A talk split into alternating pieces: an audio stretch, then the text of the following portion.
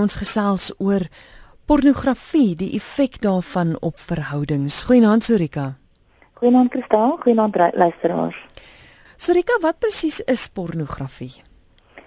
Ehm, um, weet jy as jy na die die ehm um, woorde begin kyk, dan sê dit sê dis audiovisuele beelde of fotos van naaktheid en en dit het erotiese tonele ook. Nou gewoonlik sluit dit alle tipiese tipe seksuele uitbeeldings ehm um, maar die die interessante ding is dat die definisie self sê dat hierdie seksuele tonele en naaktheid is daar vir die uitsluitlike doel om seksuele prikkeling te veroorsaak. Ehm um, en dit is interessant om te weet dat die ehm um, pornografie industrie is 'n biljoen dollar industrie ja. en hulle self het baie navorsing gedoen om presies uit te vind wat is dit wat mense seksueel prikkel. En hulle maak seker dat daai inhoud in die pornografie weerspieël word. So dis wat pornografie is. Dis hierdie um, dis audiovisuele naaktheid en seksuele tonele. Nou kyk jare terug het jy kalenders gekry met kaal meisies op en jy het tydskrifte gekry. Ek neem aan deesdae lyk dinge bietjie anders, né? Ja, jy kry steeds tydskrifte en ek glo jy kry dalk 'n kalender of twee. Ehm um, maar dit het totaal en al verander.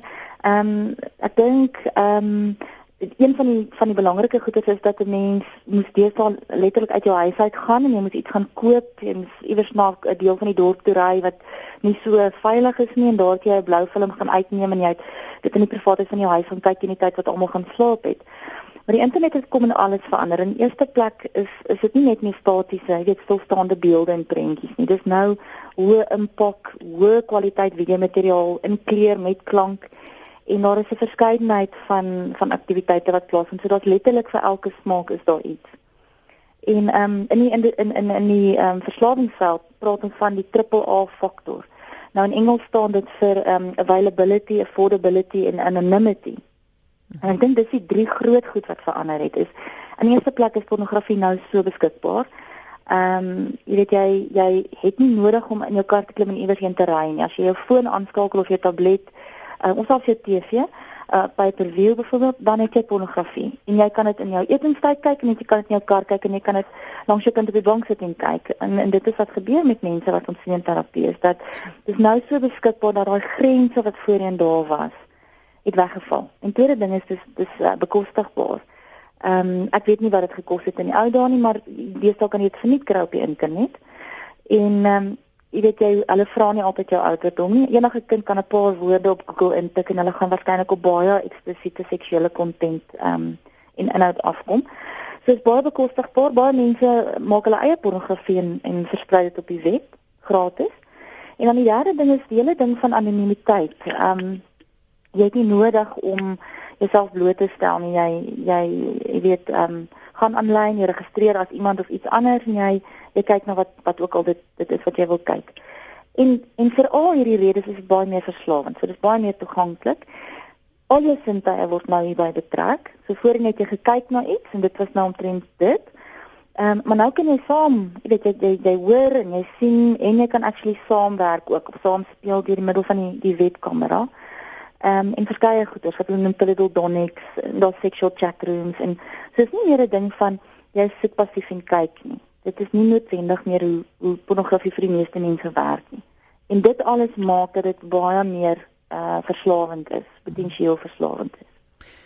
Kyk, uit die aard van die saak is dit verslawend is, kan mens dink dat dit jy weet skadelik is vir mense, maar is dit skadelik noodwendig vir alle mense wat daarna kyk? Weet jy wat gestel is? Ehm um, daar's baie argumente vir en teen. Ehm um, Ek ek ek sal nou net vir jou noem van die van die argumente vir die gebruik van pornografie, maar ek dink wat belangrik is om te sê wat is jou konteks en wat is jou verhoudingskonteks. Maar ehm um, basies is is ek wil amper al sê die negatiewe oorskadu amper of die die moontlike potensiële positiewe gevolge wat daar kan wees. En die eerste ding is die moontlikheid van verslawing, want pornografie soos ek gesê het is dit word spesifiek so ontwerp dat jy wil terugkom vir nog dit is 'n dis dis iets wat baie mense, 'n groot hoeveelhede in die samelewing beleef dit positief. Ehm um, beleef dit as plesier en as nie plesier beleef jy dit herhaal. En dis die herhaling wat op die einde dan lei tot verslawing. So die, die kort antwoord is nee, dis nie elke ou wat gaan verslaaf raak nie. Ehm um, iemand het gesê dis amper soos 'n gateway drug. Ehm um, jy weet net nie wat jou brein gaan maak met hierdie inhoud nie. Ah, oh, ek verstaan. Hier het 'n e-pos deurgekom van Michiel wat sê ek dink die emosionele impak wat dit het op mens is die grootste invloed om weer terug te keer daarna. Ek self is nie 'n verslaafde nie, maar weet van mense wat is. Dit is so maklik bekombaar en alonbeskikbaar dat dit hopeloos te maklik is om die verslawing te voed. Dis baie baie waar. En ek dink ehm um, as mens daarby wil aansluit, een een van die goeie is boonbehalwe na die feit dat dit hoogs verslawend is en ek meen mense wat in die veld werk gaan vir jou sê die die ongelooflike trauma en pyn waarmee al die betrokkenes sit. Die persoon wat die pornografie kyk ook. Jy weet dit het op hulle ook groot effek. Kom ons kyk bietjie na die effek op die persoon wat daarna kyk. Hoe um, affekteer dit daai persoon? Ek dink as jy kyk, jy weet dit jou gedagtes, jou gedrag en jou emosies word hier hierdeur beïnvloed. En as as dit nie 'n effek gehad het, sou mense dit nie gekyk het nie. So hulle kyk dit juist vir die effek, maar nou dit soms soos met baie dinge 'n neuwe effek ook. En die neuwe effekte hier is dat ek dink in die eerste plek verdra dit jou persepsie oor die funksie en die konteks van seksuele plesier. En as jy na pornografie kyk, dan beeld dit meer of die amper sê die dierlike element van seks uit waar waar daar net drang is en en ehm um, dis amper asof die seksuele iets is wat losstaande staan van enige ander konteks. Ehm um, met ander woorde daar's 'n drang en jy kan daarin uiting gee en daar's geen gevolge nie. En ons weet dat dit in die regte lewe nie regtig so werk nie. Dit werk nie so nie mense attach en as hulle nie meer kan attach rondom seksualiteit nie dan is dit eintlik ook iets om uit te bekommer. So die eerste ding is dit dit, dit gee gee vir jou 'n ander persepsie oor die seksuele. Ehm um, die tweede ding is natuurlik daai daai element van desensitisasie.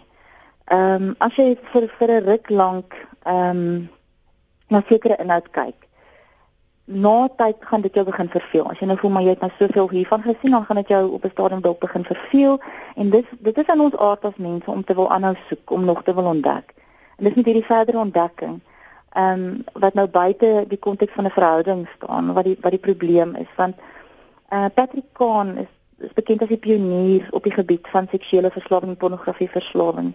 En hy het 'n term wat hy noem die arousal template. En wat dit basies is is dat alles wat jou seksueel prikkel is in hierdie arousal template ingesluit. En aanvanklik is dit die goeders wat wat jy dan gebruik om 'n maat mee te soek. So jy gaan soek spesifiek hierdie vrou of hierdie man wat hulle pas binne jou arousal template. Ehm um, maar nou begin jy pornografie kyk en jy word blootgestel aan soveel ander goeders dat jou arousal template heeltemal vergroot. En en later is 'n klomp goed wat jy nie meer oukei okay is nie en wat dalk self onwettig is, word by hierdie arousal template ingesluit. Ehm um, so daar is daai gevaar dat jy dan later dit wat gewoonlik vir jou prikkelend was en en waar volgens jou jou maat gekies het met wie jy in 'n romantiese of 'n seksuele verhouding staan is dan nou nie meer vir jou prikkelend nie want jy het nou hierdie hele vergrote ehm um, herskepte arousal template basies. Mhm. Mm en as ek is daar nog kans om op die verder te uit te brei? Ja, oor oor op die persoon self. Ja, ja asseblief. Ehm um, die ander ding natuurlik is ehm um, die die gevaar om uit te reageer. En dis nie almal wat gaan uitreageer nie. Gewoonlik gaan pornografie net saam met saam met masturbasie. Een van die dilemma's is dat daai masturbasie kompulsief kan raak en dis wanneer 'n mens bekommerd raak want as 'n ou begin masturbeer kompulsief om weg te kom van die regte lewe af en weg te kom van verantwoordelikhede af, dan dan is dit 'n aktiwiteit wat self al verslawend op sy eie kan raak. Maar die hele ding van uitreageer gedrag is dat soos ek nog sê het as as jou arousal tempo begin uitbrei en jy begin nou geprikkel raak deur 'n klomp goed wat eintlik half onwettig is. Kom ons kom ons praat nou byvoorbeeld aan van pedofilie, ehm um, bestialiteit, ehm uh, verkrachting en sulke tipe goeders. Mm, As mm. dit nou is wat jou begin prikkel.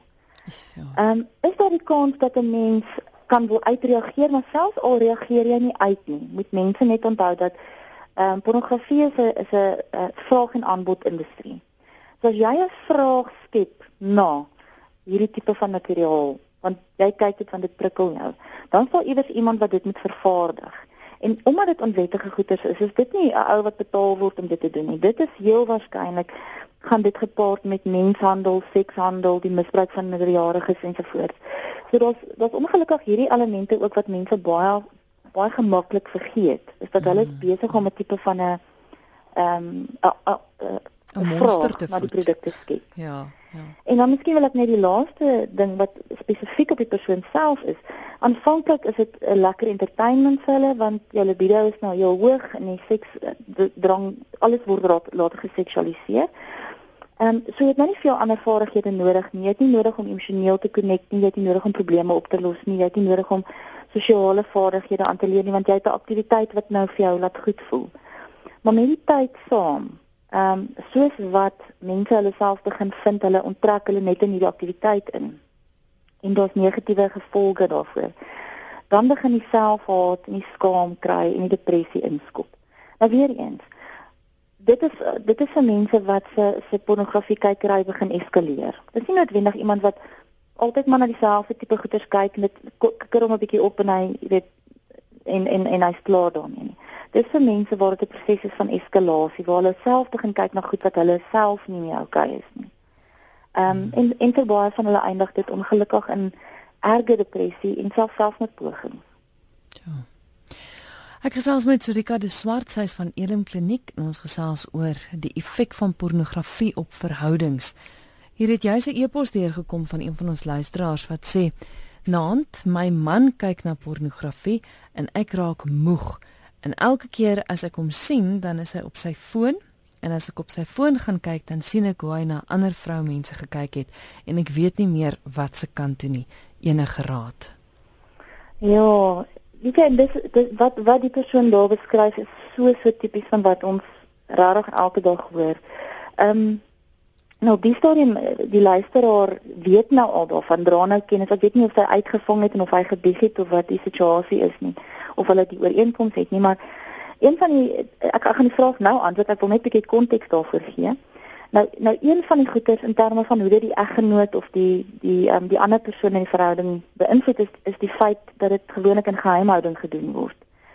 Ehm um, en my eerste vraag is altyd as pornografie heeltemal oukei is vir jou en jou en jou maat, hoekom doen jy dit in geheimhouding? Dis dis sal altyd my eerste vraag wees. Die blote feit dat dit dan so in die geheim gekyk word en doelbewus weggesteek word van jou maat af, beteken dat as die maat uitvind, voel hulle verneek, hulle voel verneder het hulle voel diep seer gemaak. En as jy op daai manier voel en en jy vertroue verloor en ek ver, vermoed dis dat die luisteraar ook sê jy jy vertrou nie meer hierdie persoon jy en daarom gaan check jy op weet wat gaan op hierdie telefoon aan en waarmee is hy besig. Die oomblik as jy nie meer veilig voel nie en jy het vertroue verloor en jy voel verneder en seer gemaak, dan onttrek 'n mens emosioneel. Ek dink jy hom verstaanbaar. En die volgende ding wat jy doen is jy onttrek ook seksueel. Ja. Wat wat 'n hele hele probleem op sy eie begin veroorsaak want nou sit hierdie ander persoon wat pornografie kyk met hierdie geseksualiseerde libido in die in die ander maat onttrek want jy voel nie veilig nie. So dis daar's 'n totale wil amper sê 'n mismatch nou op hierdie stadium in terme van hierdie verhouding, in terme van vertroue, in terme van openheid en so aan. So op 'n verhoudingsvlak het dit regtig verrykende gevolge vir mense. Ehm um, en dan natuurlik die ander element dat die persoon wat pornografie wil kyk, wil partymal hê dat hulle hulle wil hierdie goeders met hulle maat probeer en dis nie noodwendig sy arousal template het waarskynlik gegroei en expand maar jou nie het nie. So jy is nie mm-hmm. okay met die goeders wat wat hy of sy nou met jou wil probeer nie. So dis dis gewoonlik 'n baie baie seer uh, baie seer iets. En in terme van advies wil ek regtig sê ehm um, ek wil vir die luisteraars sê dat op die stadium sien ons dat daar's of drie tipes uh, paartjies wat ons vind. Die een groep wat sê ons wil niks daarmee te doen hê nie. Ek en my man of ek en my vrou wil niks daarmee te doen hê nie. As 'n ander groep wat sê, weet jy wat, ons is nou skieurig, kom ons kyk of dit iets vir ons verhouding kan doen. En dan sal die derde groep en dit klink vir my of hulle in hierdie groep val wat sê dit lyk nie vir my ek en my man stem saam nie oor nie. Hmm. Hier een wil dit gebruik en een wil nie. En en en ek dink die oomblik as jou maat sê sê maar dit wat jy doen maak my seer dan is dit tyd om die gedrag te stop en net eers verder te explore wat in die verhouding aangaan. Ehm um, so wat ek vir die luisteraars sou sê is ek dink dis miskien nodig dat hulle net by iemand uitkom. En as hy dan nie wil saamgaan nie, dat sy net by iemand uitkom dat sy net kan kan kan sê wat dit is wat sy voel, kan verstaan waarom mense pornografie kyk want die eerste ding wat hulle dink is ek's nie meer aantreklik nie of ek's nie goed genoeg nie of weet ek kan die persoon nie meer tevrede hou nie. Hmm. En dit het eintlik niks te doen met die met die maat nie dit het alles te doen met met die hele wet van pornografie. So ek ek wil regtig sê mens moet iewers uitkom waar jy kan praat want anders raak 'n mens ehm um, jy daai seer kry groei net. Ja. Want ja. jy nêrens het waar jy dit in die realiteit kan toets nie. Ek het vroeër 'n uh, e-pos gekry van Connie wat sê ek is 'n 50-jarige man, 17 jaar getroud met een seun wat 16 jaar oud is. Ons het 'n plan wat vir ons werk. Hy sê ek wil graag ter enige tyd my vrou op haar mooiste sien, maar natuurlik is dit nie altyd haalbaar nie. Wat ons te besluit het is dat my vrou vir my poseer en dit werk baie beter as wat ons verwag het. Ek het totaal belangstelling verloor om na ander vroue te kyk. Dit mag dalk nie vir alle gevalle werk nie, maar ek dink dit lê in die beskikbaarheid daarvan en aangesien my vrou my soms betrap dat ek na haar foto's kyk, motiveer dit haar ook baie om na haarself te kyk. Miskien help die raad vir ander luisteraars. Dit is baie interessant. Um, kan ek dalk ehm um, 'n kommentaar lewer, ja. um, Christa? Ek dink dis 'n goeie voorbeeld van van konteks van verhoudingskonteks. Wat die wat die luisteraar basies vir ons sê per e-mail is hy en sy vrou het iets gevind wat vir hulle werk. En dit klink nie asof enige van die twee skade ly nie. Ek weet ons ons hoor nou nie haar haar belewenis nie, maar dit dit klink asof dit 'n ooreenkoms is tussen twee volwassenes wat op 'n verantwoordelike manier daarmee omgaan. Daar's natuurlik gevare, weet as daai foon gesteel word of of hulle gaan uitmekaar uit en hy sit met die foto's, dan is daar dan daar tipe van bekommernisse, maar dan het daar bekommernisse nie regtig net te doen met met pornografie as sulks nie. So daar is daar is mense wat sê, weet jy wat ons vind ons eie maniere om die verhouding op te tikke en ehm um, en en dan amper sê as dit vir mense in hulle verhouding werk, dan het niemand van ons eintlik enigiets te sê daaroor nie. Ek dink nie jy weet as daar nie skade gedoen word nêrens aan niemand nie is is dit nie 'n probleem nie. Mm. Maar maar binne die konteks waar die een dit sou wou hê en die ander een sê ek is regtig nie gemaklik hiermee nie. Ehm um, kan dit ook skadelik wees. Jy weet jy jy kan nou dink as dit nou 'n vrou is wat nie gemaklik is daarmee om in spesifieke maniere afgeneem te word nie. Maar haar man dring dalk daarop aan. En sy voel maar ek moet dit maar doen anders gaan hy pornografie kyk dan dan plaas dit hierdie dis eintlik is dit dan dit klink soos mutual consent maar dit is nie want hierdie vrou doen dan iets wat teen haar waardesisteem is en wat op die einde vir haar nie gaan laat goed voel nie. So daai ding van twee mense wat saamstem oor wat okay is vir hulle is 'n is 'n ja, baie belangrike ja. element wat hy nou aangeraak en om te kommunikeer daaroor. baie belangrik. Dis ja. kern belangrik.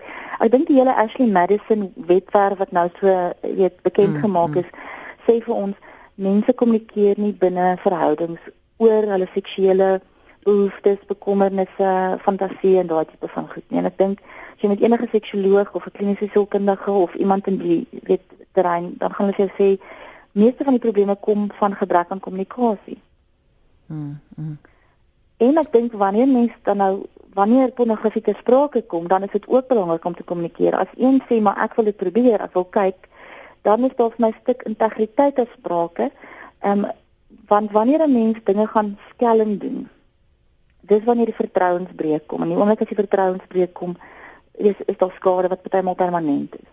Hmm. So ek dink as as twee mense mekaar sien, weet jy, ons stem nie heeltemal saam nie oor nie, maar weet jy wat as jy dit wil explore, ehm um, solank jy nie van my dit of dit of dit verwag nie, dan was daar ten minste kommunikasie. Niemand steek weg, weet jy, iemand anders nie. Want want geheime ek dink doen skade binne verhoudings. Daar's baie lank die persepsie dat dit net mans is wat na pornografie kyk. Kyk vrouens ook? Ja, weet jy tradisioneel was dit was dit maar meer mans geweest. Ek dink vrouens is op alle vlakke voel hulle meer vry om weet ook op te staan vir dit wat hulle inglo en dit wat hulle wil doen.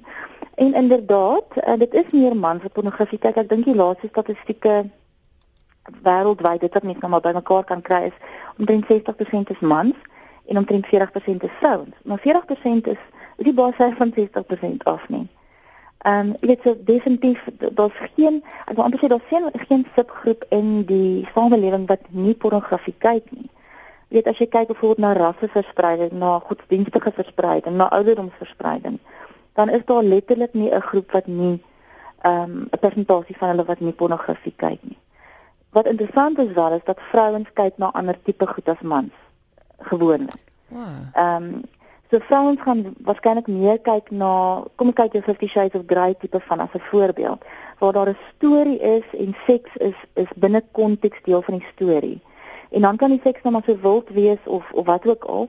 Ehm um, maar hulle hulle wil graag konteks hê. Mm -hmm. Hulle wil sien dat dit binne 'n verhouding gebeur. Terwyl vir mans is daai nie noodwendig die die deursnit man wat pornografie kyk, vir hulle is dit nie noodwendig belangrik nie. So dit wil dit wil nog steeds lyk vir mense uit navorsing asof vrouens steeds meer intimiteit najag en mans intensiteit waar dit waar dit gaan oor pornografie spesifiek. Ek verstaan. Ons het 'n oproep by 0891104553. RSG goeienaand. Ek wil graag anoniem bly. Ek hoop ek is op die lig nie. Jy, jy is op die lig. Wil jy Ek saamgesels? hoop ek is op die lig nie. Jy is op die lig, mevrou. Is dit reg so? Wil, Okay. Ekskuus, Ehm, um, mevrou. Ek het 'n dogter. Sy's totaal verslaaf daarin. Sy sit in 'n Gauteng. Ek het ons is heeltemal van vreem vir bitter baie lank al. Sy het geweldig haar liggaam laat gaan op haar witbrood toe sy getroud is met haar man. Hy hy hy kom uit 'n kinderhuis. Hy het 'n 'n 'n 'n 'n drankverslaafde en 'n dwelmverslaafde ouers gehad. Toe sy uh, toe sy in 'n kinderhuis groot geword. Toe trou sy met hom want sy het opgeskop, sy was baie talentvol, maar as ek en haar pa is geskei toe sy 2 jaar oud was. En haar pa was 'n seksmaniak. Ek het met hom geskei omdat hy jong klimmetjies in die uh in die oudheid ek is 'n skrywer en digter en ek is baie bekend daarom wil ek op die lig wees nie. Mevrou, maar ekskuus, Ek bly in mevrou, die straat. mevrou, In mevrou, elk geval, mevrou, en, ehm, mevrou. Ekskuus, ehm, mevrou. Toe uh, uh Ekskuus, ek gaan nou, ek is net bang sy sê dalk iets waaroor sy gaan spyt wees en sy sê sy wil nie op lig wees nie. So jammer Ja. daaroor, mevrou, maar dit is vir haar eie veiligheid dalk. Ehm, um, ekskuus, ons kon nou nie die einde van die storie gehoor het nie. Ja. Ehm um, Sorika, ehm um, hier's 'n SMS wat deurgekom het want ek wil hê ons moet gou-gou kyk na die invloed wat dit het, het op jong mense en op Ja. tieners. Wat gebeur met hulle as hulle pornografie kyk en wat is die invloed op hulle? Altyd, weet jy, eers wil ek net sê dat dit is ongelukkig 'n probleem wat aan die toeneem is en ek dis net so sleg om altyd soos 'n doemprofeet te klink, maar dis regtig 'n probleem en dit het dit het ook nog saam met die internet gekom. Ehm um, mens mens sien definitief 'n tendens waar al hoe jonger kinders per ongeluk, die meeste kinders beland per ongeluk. Ehm um, uh, uh op een of ander webwerf of hulle is op soek na een of ander application wat hulle op hul selfoon wil aflaai. Uh ek het nou die dag saam met my kind gekyk byvoorbeeld hy wil een of ander rugby ding aflaai en ons is by 3 Sutras verby Ja. op op die Play Store. So wat wat gebeur is dat kinders van enige ouderdom, die oomblik as jy 'n selfoon het of jy het, jy het 'n um, rekenaar wat internetkonneksie het, kan hulle per ongeluk op hierdie goeders afkom. En dan is is hulle nuuskierig. So partykeer skrik hulle boeglam, maar hulle gaan loer weer later en ander kere is dit nou regtig interessant en dit kom op 'n tyd wat hulle hulle seksueel geprikkel raak daardeur. Die die gevare vir kinders en vir jong mense is eintlik baie baie meer as vir volwassenes. Want ding is wat die eerste ding wat die eerste ding wat ek altyd vir hulle sê is dit wat jy sien eh, kan jy nie ongesien kry nie. Jy, kan dit nie weer aansien. Daai beeld is nou in jou kop en jy het nou nog nie eers aan 'n meisie se hand gevat nie, maar nou het jy al hierdie wilde goeders nou gesien. So daai beelde bly nou nogals ingeprent in hulle gedagtes en hulle weet nie wat om daarmee te doen nie. As volwassenes het ons ehm um, 'n alternatief waarmee jy kan vergelyk. Meeste volwassenes wat pornografie kyk, was al binne 'n liefdevolle monogame verhouding waar daar emosionele koneksie is en en so meer. So mense verstaan dat 'n konteks en dat seks uitvloeisel is van 'n liefdevolle verhouding. Tieners weet dit nie. Kinders weet dit nie. Hulle het, hulle het dit nog nie beleef nie. So wat hulle sien is met ander woorde seks buite enige konteks. Mm. En die die dilemma daarvan is kom ons kyk wat sien jy in pornografie? Jy sien geweld as deel van seksuele uit ehm um, uitlating. Jy sien dat dit nie noodwendig nodig is om vir iemand toestemming te vra nie. So daar's geen mag of mag ek maar of mag ek nie. En as iemand nee sê, is dit nie noodwendig iets wat gerespekteer word wanneer jy na pornografie kyk nie. Daar's dat mens het nie 'n verhouding nodig om seksueel te wees nie. Dis die ander ding wat hulle sien. Ehm um, jy het geen sosiale vaardighede nodig om seksueel te wees nie. Jy jy hoef nie 'n meisie te vat vir 'n fliek en haar te date vir 'n jaar ensovoorts nie. Hulle sien ook nie hoe onbeplande swangerskap byvoorbeeld nou jou lewe gaan verander nie. Daar word nie gepraat oor voorbehoedmiddels nie. Hulle sien nie die gevaar van seksuele oordraagbare siektes nie. So daar's daar's regtig nie 'n verwysing of 'n aanduiding weet van respek of vertroue of liefde of intimiteit ensovoorts nie. So hierdie tieners het niks om die pornografie mee te vergelyk nie en dit word hulle blou druk. So dit word hulle arousal template. Nou gaan jy in dit 6 na jy pornografie gekyk het en jy wil 'n meisie fliek toe vat. jy het geen idee wat jy met haar moet gesels nie. Al wat jy weet is dat die die pornografie het, het nou jou jou seksueel geprikkel en jy moet iets hiermee doen. En dit is 'n dis 'n geweldige probleem. Die jong mense weet ook nog nie wat om hulle hulle hulle is emosioneel en biologies of fisies nie in staat om hulle behoeftebevrediging uit te stel soos wat 'n volwassene dalk sou kon doen. Hmm. So dis a, dit is 'n geweldige probleem en dan vind 'n mens dat hulle sommer weet by die skool nou gaan vroetelrig raak aan ander kinders. Ehm um, weet en en 'n kompulsiewe masturbasie probleem baie maal ontwikkel. Want want soos ek sê, hulle weet nie wat om te maak met hierdie geïntensifiseerde seksuele uh, prikkeling wat hulle nou beleef het nie. Het jy 'n vraag deurgekom wat gaan oor oor ehm um, wat ek kom net gou hierso kry. Uh oor selfbevrediging. Is iemand wat hmm. sê wat is die skade wat aangerig kan word deur jong mans en dogters wat selfbevrediging toepas? Dit begin mos veral by jong seuns wat selfbevrediging begin toepas net as hulle uh masturbeer met puberteit. En dan nog 'n vraag wat sy vra is word dit as sonde beskou? Ja, weet jy die goeie nuus hier is dit is glad nie sonde nie en ons ek weet almal van my ouderdom en ouer ehm um, ons het groot geword van jou hand gaan afval en jy moenie daar vat nie, maar as jy na die natuurlike ontwikkeling kyk, 'n kind is 3 dae in sy doek dan gaan die handjie al weer daarna toe want vir hulle is dit 'n sosio neus en 'n sosio knie en 'n sosio oor en dis toevallig is daar nou 'n geslagdeel wat deel is van die liggaam. So die eerste ding is Nee, masturbasie is hoegenaamd nie sonde nie. Dis nie iets wat enige iemand enige skade doen nie, mits. Eerste, dit binne die privaatheid van jou van jou eie huis of jou badkamer of wat ook al gebruik. So dis nie jy jy gaan nie ander mense daaraan blootstel nie. En die tweede ding is dit moet een van 'n verskeidenheid van aktiwiteite wees as as dit iets is wat jy doen. Dit dit moenie 'n uitsluitlike tydsverdryf wees nie. So wat wat ons deesdae besef is dat masturbasie 'n normale gesonde element van 'n mens se seksuele ontwaking en ontwikkeling. Dit begin baie voor as die puberteit. Dit begin maklik hier by 2, 3 jaar al. Ehm um, en intedeel as 'n mens as ouer nou en ek weet in ons tyd is dit presies hoe dit gebeur het. As ouers het 'n mens baie vinnig weet die dinge in die, in die kiem gesmoor en geraas en en vertel dis nie 'n goeie ding nie. En mense het as gevolg daarvan met 'n klomp seksuele skuldgevoelens groot geword wat wat 'n klomp ander probleme veroorsaak. So wat ek amper wil sê is masturbasie op sy eie is gesond, is nie sonde nie. Dit is dit is iets wat in die privaatheid van jou wat in jou privaatheid kan geskied en solank dit nie kompulsief is nie, met ander woorde. As daar negatiewe gevolge raak, met ander woorde as dit nou so soveel gebeur dat jy jouself beseer of as jy voel dat maak nou nie saak waarmee jy besig is nie, dit is wat in jou gedagtes aangaan. Dan raak dit 'n bietjie kompulsief en dan dink ek moet 'n mens met iemand gesels en bietjie meer uitvind oor wat is gebalanseerde, gesonde seksuele um, gedrag. Ehm um, selfs binne verhoudings. Uh ek dink vrouens is baie maal ontstel as hulle besef maar 'n man masturbeer ook. Dit's regtig regtig niks daarmee fout nie. Dit beteken ook nie dat die man nie sal kan funksioneer weet in die verhouding nie.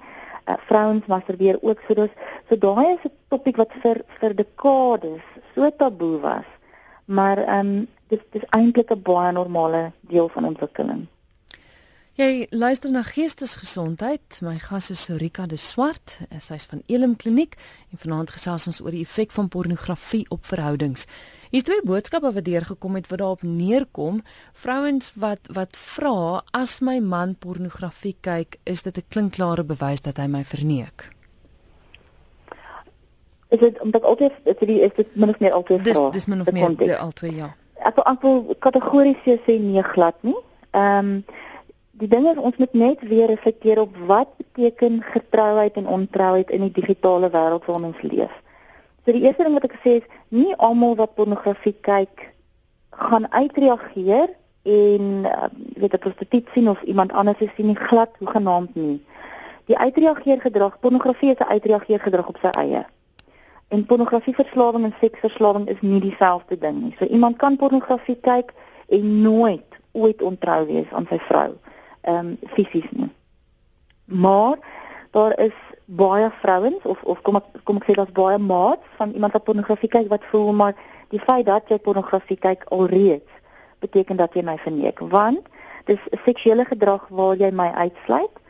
Ehm um, en ander mense insluit. So dit is nie soos masturbasie wat net weet jy en jouself is nie, dis jy sluit ander mense in. So weer eens dink ek is dit belangrik dat dat egliede of of of maats met mekaar praat oor wat hulle beleef. Maar die kort antwoord is dis verseker nie bewys van 'n fisiese ontrouheid nie. Glad nie. Ons kyk hier's 'n oproep RSG goeienaand. Goeienaand. Hallo, hallo, hallo, hallo. Laat ons net van hierdie radio ons. Ehm, um, hi, hi. Ek wil nie absoluut saamstem met jou gas daar oor die die self die selfhelp. Uh, weet medies het ek al met hoeveel dokters daaroor gepraat en jy kan kyk na mans wat sit met prostaatkanker. Hmm. En dan kom jy agter dat hulle seksueel onaktief is en hulle wil hulle self nie help nie want die kerk sê dit is sonde en al die tipe ding. En ek wil regtig en ek is self in die bediening. As as jy jouself help, daar is niks daarmee verkeerd nie. God kan jou nie daarvoor aanvat om wat ons wat mans is wat saad heeltyd in ons liggame produseer, moet uitkom. Hmm. Jy kan nie dit daar los nie. Dis kom 'n man met prostaatkanker. So ek is baie bly oor hierdie program vanaand. Ja, wat ons daar lekker man tot man, vrou tot vrou daaroor kan praat dat dat mense hulle self help.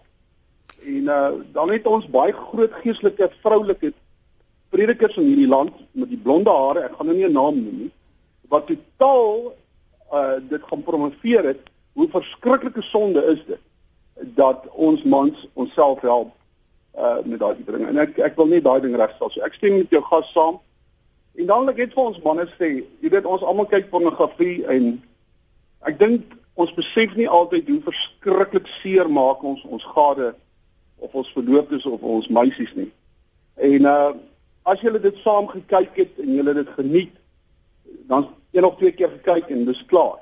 Maar moenie moenie daarmee aanhou nie, want dit is 'n totale geestelike probleem wat jy gaan optel, jy wil meer en meer en meer. En soos jy gas ook gesê, uh dit daar word biljoene elke jaar aan hierdie goed gespandeer en gemaak. En al wat hulle doen, hulle prikkel jou met 'n gratis webwerf. Jy kyk daarna en jy geniet dit en jy raak verslaaf aan so sigarette en drugs. En jy gaan dan nou inteken daarop en jy gaan elke maand of elke dag 'n klomp geld betaal om na hierdie goed te kyk. En jy voel jy wil nou dan kyk en jy betaal daarvoor. En ek wil net vir ons manne sê stop. Daai ding gaan jy moet bely. Bely dit voor die Here en sê Here, hierdie pornografie is verkeerd en ek ek waarborg jou as jy dit gaan bely in die diepste van jou hart en dit en en dit bely die Here sê help om dit te los. Van moenie aangaan daarmee nie. Moet dit nie doen nie want ons maak ons vrouens en ons kinders en ons van ons gades maak ons so seer. Ek glo ons besef hoe seer maak ons hulle. Maar baie dankie vir 'n hierdie program en dankie dat ons daaroor kan praat en alles sterk en seën vir julle. Baie dankie. Lekker aand. Storika wil die kommentaar lewer. Ek dankie vir die oproep. Ehm um, en en dit is so dat rondom prostaatkanker, ek het dit ook al gehoor, ek is nie mediese dokter nie, maar ek het ook ek het ook al 'n um, ehm, stukke gelees daaroor dat onder onder seksuele onderaktiwiteit kan ongelukkig sulke probleme veroorsaak. Maar wat ek eintlik graag op wil reageer is baie belangrike element wat hy genoem het is mense kinders kry ook skade baie maal. Ek sit op die stadium sit ek met 3 kinders in terapie. Die een is 'n 7-jarige, 'n 9-jarige wat op 7 begin pornografie kyk het omdat hy dit op sy pa se se foon af weet um daarop afgekom het. Die tweede een is 'n jong meisie wat sy pa aan seksverslawing ly en um Sy het ook op van sy goeders afgekom, maar wat baie maal ook gebeur is dat wanneer ouens begin uitreageer met pornografie, dan begin hulle prostituie besoek of hulle begin uh, salonne besoek, jy weet waar hulle nou kan gaan vir 'n massering. Dan word die kinders baie maal saamgevat want die kind is nou die alibi. Ek vat die kind hoompie toe. Uh weet vir 'n melkskommel en dan gaan ons gou-gou die tannie vir my 'n massering gee en dan omdat die kind dan nou saam gaan dink die ma daar's daar's niks snaaks aan die gang nie. Daar's ongelukkig vreeslik skade wat kinders opdoen want hulle is bewus van hierdie goed. Ehm um, en dit laat 'n kind voel hulle moet kies tussen die ouers want een ouer kry seer en die ander ouer is besig om iets te doen wat seer maak in in baie van die gevalle en nou sit 'n kind met 'n stuk inligting wat nie vir hulle bedoel is nie. So ek wil ek wil vir mense sê as hulle wel dan besluit om pornografie te kyk, maak seker dat jy nie dieselfde rekenaar gebruik as jou as jou jong kind nie. Ehm um, hierdie veroorsaak vir hulle groot vrae vertrouensbreek baie bekommernis. Hier 'n uh, e-pos deurgekom van anoniem wat sê ons seun was 16 toe hy teenoor ons gebieg het dat hy verslaaf is aan kinderpornografie. Dit nadat hy hom 2 jaar lank na elke beraader of sielkundige gesleep het vir sy depressie. Hy was geweldig ontsteld en ontwrig Ons het dit so verstandig moontlik hanteer en hom weer geneem vir berading. Ons het nog nooit ons het nog daarna dikwels weer daaroor gepraat. Maar ek is nooit seker of hy heeltemal genees is daarvan nie. Ek het destyds in my navorsing daaroor gelees dat so 'n verslawing ongeneeslik is. Hy is nou in 'n vaste verhouding met 'n ouer meisie. Is dit moontlik dat hy volkomme genesing gekry het? Sy het 'n jong kind en ek is so bang dit loop later weer skeef. Ehm, um, okay, met met die met die inligting wat ek beskikbaar het, Kristal, sal ek miskien twee of drie opmerkings maak. Die eerste ding is ehm uh, wanneer dit 'n verslawing is, is dit nie iets wat genees kan word nie. So wanneer 'n persoon verslaaf is, letterlik verslaaf is aan pornografie of seks seks verslawing het, dan is dit nie iets waar jy gaan in recovery soos wat 'n alkolikus weet in in in ehm um, in 'n soberheid ingaan. En jy gaan vir die res van jou lewe baie baie versigtig gaan wees. Jy gaan nooit weer kan pornografie kyk nie. In 'n woord as jy een keer verslaaf was en jy hou op, moet jy wegbly. Maar nie almal wat pornografie kyk is noodwendig verslaaf nie. So ons kan nie noodwendig sê dat die jong man verslaaf was nie. Dis die eerste ding wat ek wat ek net moet sê. Die tweede ding is dat dit is rarig sodat mense in in 'n soberheid kan gaan wat ons noem recovery in Engels, ehm um, lewenslank. So dit daardie wonderwerke gebeur, maar hy gaan altyd met versigtigheid wees. Mens kan nooit weer sê dat ek net 'n bietjie pornografie kyk nie want aanvanklik begin hulle byvoorbeeld met volwasse vrouens in skoolklere waarmee daar niks fout is nie, maar die volgende dan raak die ouderdomme al die jy weet die, die, die meisies raak al jonger, die die goeders, die kontent wat hulle vir jou stuur want hulle stuur ook vir jou kontent. So ehm um, nommer 1, ons kan nie sê iemand is noodwendig verslaaf gewees nie. Nommer 2, as iemand verslaaf was, bly weg van pornografie af geheel en al. Dit is heeltemal moontlik om 'n sober lewe lewenswyse te handhaaf. Die derde ding wat ek sou sê is, miskien is dit ek ek glo in, kommunikasie en as daar regtig 'n bekommernis is oor oor klein kindertjies se se fisiese of seksuele veiligheid, is dit is dit is dit die verantwoordelikheid om te sê kan ons net 'n gesprek hieroor hê. Ehm um, dat ons net seker maak almal is veilig. Ek dink dit is 'n belangrike iets want anders gaan 'n mens ook altyd onrustig bly voel. Ehm um, so maar baie moeilike baie moeilike omstandighede en ek dink kommunikasie kan dalk help. Hmm. Ons het aan die einde gekom van ons program vinnig. As jy miskien ook in 'n minuut net kan sê, ons het nou gekyk na al al die redes hoekom jy nie pornografie moet kyk nie, maar is daar is daar positiewe gevolge? Ehm um, weet jy mense sê dat ehm um, dit as as as 'n paartjie saam daarna kyk en hulle kyk na tipe van goeders wat konteks het dat dit wel hulle weet kan opkikker. Hmm. Ehm um, maar dit is om soos 'n rolfliek ook maar te kyk. Jy weet as jy 16 plus fliek kyk dan kan dit dieselfde effek hê. Ehm um, So daar is mense wat sê dat pornografie wel hulle huwelike gered het wat ook al. Ek glo daar's ander maniere wat wat net so goed kan werk. Ek dink 'n stuk terapie en in in date nights en so aan kan ook help. Miskien 'n seksuoloog te gaan sien, professioneel gekwalifiseerde persoon. En ehm, ek wil amper sê dat die gevare is meer uh as die benefit op die lang termyn. Mm, en ek sou ek sou altyd baie versigtig wees in kommunikasie daaroor hê met my maat. Baie baie dankie vir 'n geweldige insiggewende program. Die program is beskikbaar as potgooi. Sorika, as luisteraars met julle in verbinding sou wou tree, as iemand besef, "Jo, ek het heel moontlik dalk 'n probleem," kan hulle julle kontak. Hulle is baie welkom om te kontak. Ehm um, julle kliniek kan gekontak word op 011 975 2951. Hulle kan dan vra met Sorika de Swart of Susan van Niekerk te praat. Verskriklik baie dankie vir die gesels. Baie dankie. Dankie luisteraars. Goed, totsiens. Dis Rika de Swart, sy is daar van Elim Kliniek. Susan is ook gereelde gas op Geestesgesondheid ook daar van Elim Kliniek en jy is welkom om die kliniek te skakel by 011 975 2951.